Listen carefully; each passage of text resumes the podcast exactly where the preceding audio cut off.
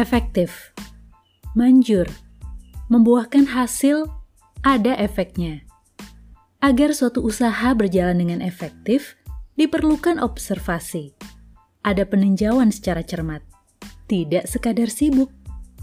Banyak sekali daya yang dikeluarkan, padahal ada cara yang lebih sederhana untuk mencapai sebuah tujuan. Memang perlu waktu untuk observasi, namun terkadang orang malas melakukannya karena merasa membuang waktu. Padahal, justru dengan tidak merenungkannya, akan ada banyak waktu, tenaga, bahkan uang yang terbuang untuk melakukan banyak hal yang sebenarnya bisa dipangkas agar jadi lebih efektif.